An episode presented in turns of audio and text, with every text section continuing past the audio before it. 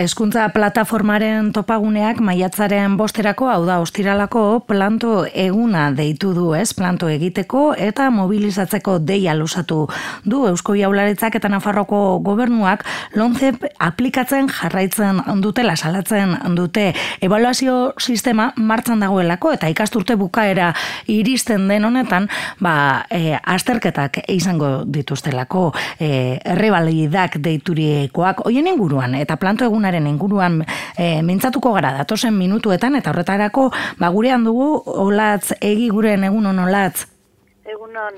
Bueno, beste behin eta aurreko urteetan e, salatzen ari zareten bezala, e, ba, lonze eta ezi berri ba, aplikatzen ari da, ez, erreforma mm, hori, eta orain azterketak egingo dira, ez, Araba Bizkaia eta Gipuzkoan ikastetxe guztietan, okerrezpanabil eta Nafarroan autatutako batzuetan, ez?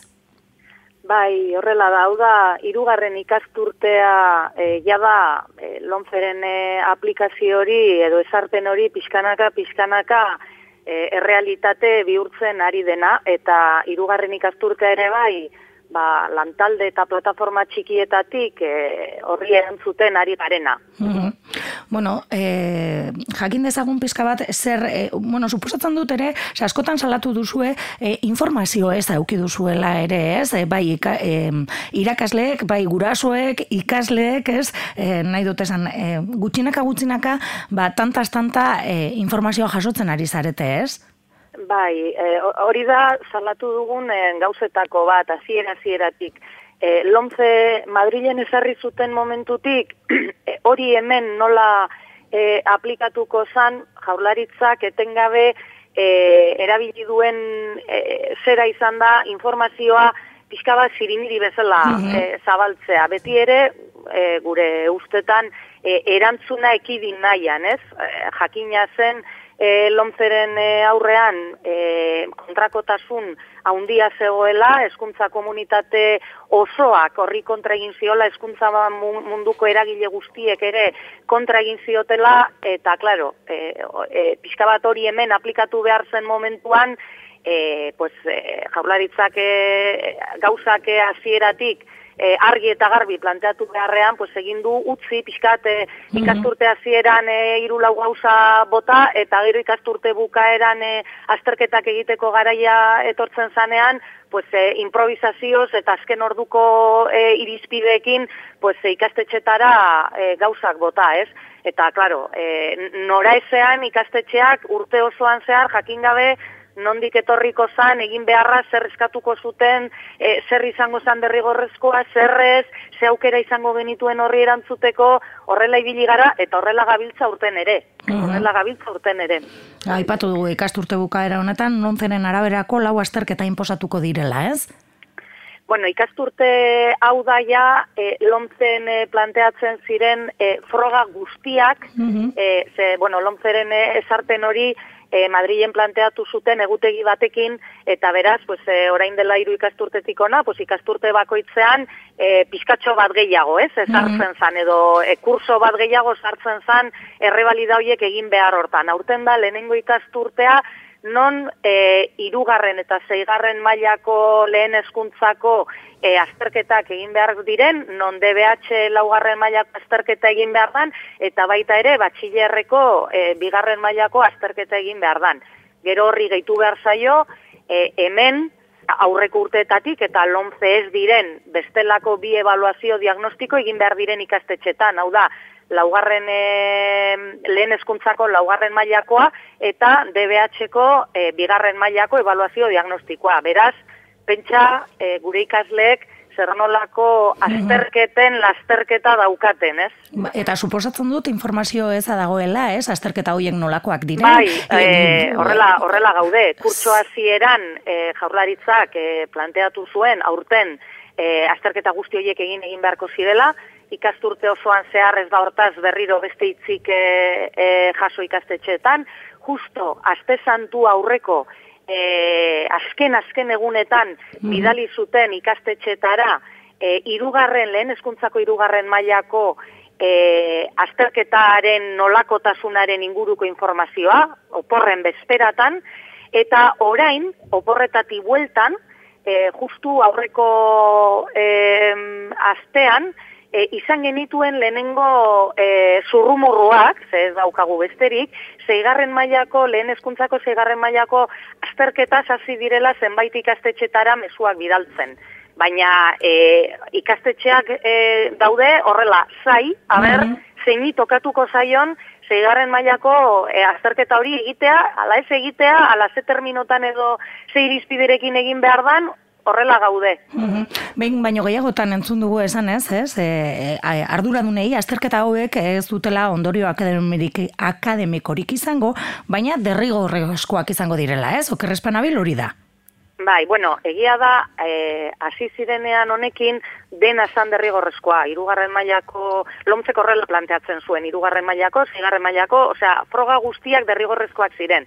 Jakina, gerora e, emaitz erantzuna hain handia izan denez, mhm. bai hemen eta bai Madrilen ere pixka bat e, berregin behar izan dute beraien plana, eta bueno, momentu honetan Madrilen e, lomzeren e, aplikazio egutegia geldituta dago, estatu mailako hezkuntza pakto baten zai, eh, pixka bat terminoietan, eta ordun horrek ere nolabait, eta urte hauetako mm, mm, pixka bateko nora ez honek, e, bestelako administrazioei ere aukera eman die, pixka bat fleksibilizatzeko beraien e, esarpen maila hortan derrigortasun hori. Ordun azkenean, hirugarren mailako azterketa lehen eskuntzakoa, berez ikastetxe guztiek egin beharko luketen hori, e, berez ikastetxeen esku dago erabakitzea egin, ez egin, nola egin, mm termino hoietan dago adibidez gure ikastolak, e, Carmelo ikastolak, e, ia ze zuen egin, orain dela bi urte ere zuen egin, eta urten ere ez dauka egiteko asmorik, eta gurea bezala,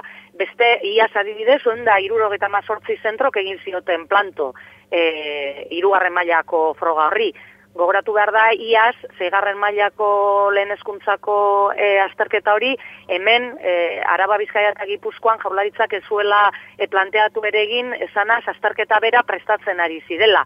Beraz, iaz, e, hori planteatu ere zen egin ikastetxetan.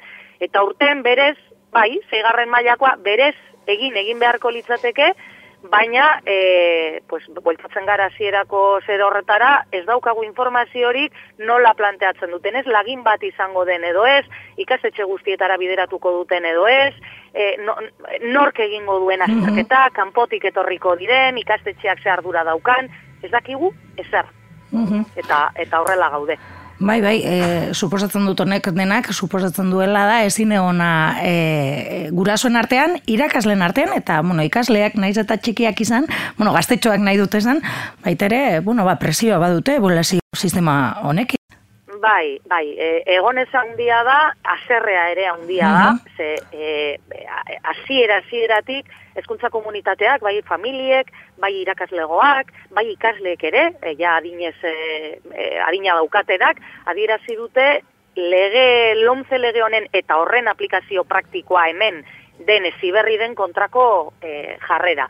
Eta orduan, horrela ibili beharra, mhm. administrazioak entzungor egiten du, urtetan egin ditugun mobilizazio, e, ekimen guztien aurrean entzungor egiten du, ez ditu gure eskaera gaintzatartzen, eta jakina. Estresa ikaslentzat izugarria azken finean beraiek egin behar dute mhm. azterketa. Estresa irakaslegoaren ere bai, azkenean ikastetxeak administrazioak behartu egiten ditu, behartu egiten ditu e, bere irizpideen baitako froga hauek egitera. Eta gurasoen aldetik, e, pues, jakina, ezin egona ere handia da, guk ez dugulako nahi, e, gure semalabek, e, bide hau hasi behar izatea. Ze, mm. azterketa hauek dira, lege oso batek bermatu nahi duen horren e, a, a, muina, ez? Osa, esan nahi dute, lege hau ez dira azterketa bakarrik. Hmm. Azterketa horiek bermatzen dute lege horren eduki osoa e, e, garazea, eta gu horrekin ez gaude adoz, eta ez dugu nahi gure zeme alabek e, planteamentu horren baitan e, egin behar izatea beraien ezik eta prozesoa. Tardun jakina, egon ez handia dela, eta jakina, e, aserrea ere handia dela. Olatz, hori dela eta, ba, ipatu duzu, ez, e, aurreko urteetatik e, abiatu zenuten, e, eskuntza plataformaren e, topagunetik, ba, planto e, dinamika, ez, eta maiatzenen bosterako, ostiralerako hori e, egin duzu edei, ez, e, planto egiteko eta mobilizatzeko deia lusatzen duzu eskuntza e, komunitateari, ez, e, bueno, konta iguzu pizkat, zein e, egiten ari zareten, ba, esaterako santutxutik. Bai, bueno, e, eskuntza plataformen topagunea da gure bilgunea esan dezagunez, mm Ni Carmelo ikastolako e, lontze eta eziberriren kontrako batzordekidea naiz, irurte daramatzagu, iru ikasturte daramatzagu pixka bat e, dinamika honetan lanean eta ekimen desberdinak burutuz, bai informazioa zabaltze aldetik, mm -hmm. bai inguruekin, itzaldiekin, eskuorriekin, bueno, mila kontukin, bai mobilizatzen ere bai, E, auzo mailan guk adibidez antutxune beste ikastetxe batekin Luis Iriñaz eskolarekin elkarlanean egin ditugu hainbeste eta hainbeste ekimen e, auzo mailan e, eta urten ere hildo berean jarraitzen dugu. Eta gu bezala, e, ego euskal herri mailan, herrialde desberdinetan, e, bai ikastetxetan eta bai herri edo auzo mailatan dauden hainbeste plataforma eta, eta batzordek. E, aurten, e, plataformen topagunetik, e, deitu da maiatzaren bosterako mobilizazio e, egun bat, mobilizazio egun zabala eta sendoa izatea nahi duguna iruditzen zaigulako erantzunak ere e, tokian tokiko egiten diren e, ekimen ez gain behar duela nolabaiteko bateragune bat, ez? Osa, hau da, egun bat non indarra adieraziko dugun eta gure mezua zabaltzeko e, pues, e, bitartekoak e, pues, errezagoak edo zabalagoak izango diren. Kauzoan adibidez, planteatuta daukagu goizean goiz, e, maiatzaren bostean, ikastetxetan bertan egingo ditugula kontzentrazioak, eta gero arratsaldean bostetan, e, Santutxuko Basarrate plazan egingo dugun e, e, mobilizazio bateratu bat, Karmelok eta e, Brinas ikastetxeak, eta modu zabalean e, e, planteatzen duguna uso guztiaren parte hartzeari begira. Iruditzen zaigulako, e, lontze eta eziberriren aurrean eman beharreko erantzuna ez dela bakarrik hezkuntza komunitatearen ardura. Uh Baizik eta baita ere herritarrena, auzotarrena eta gizartearena oro ez?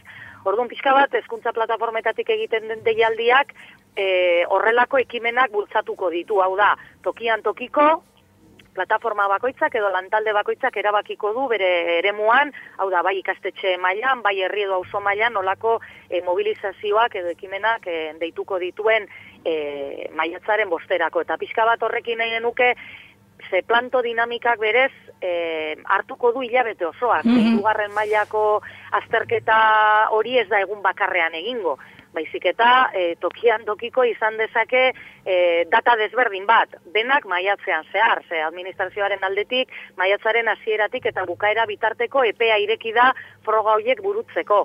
Orduan, plantoak berez, iraungo du, esan dezagun, hilabete osoa, tokian tokiko ukiko du egun bat edo beste egun bat.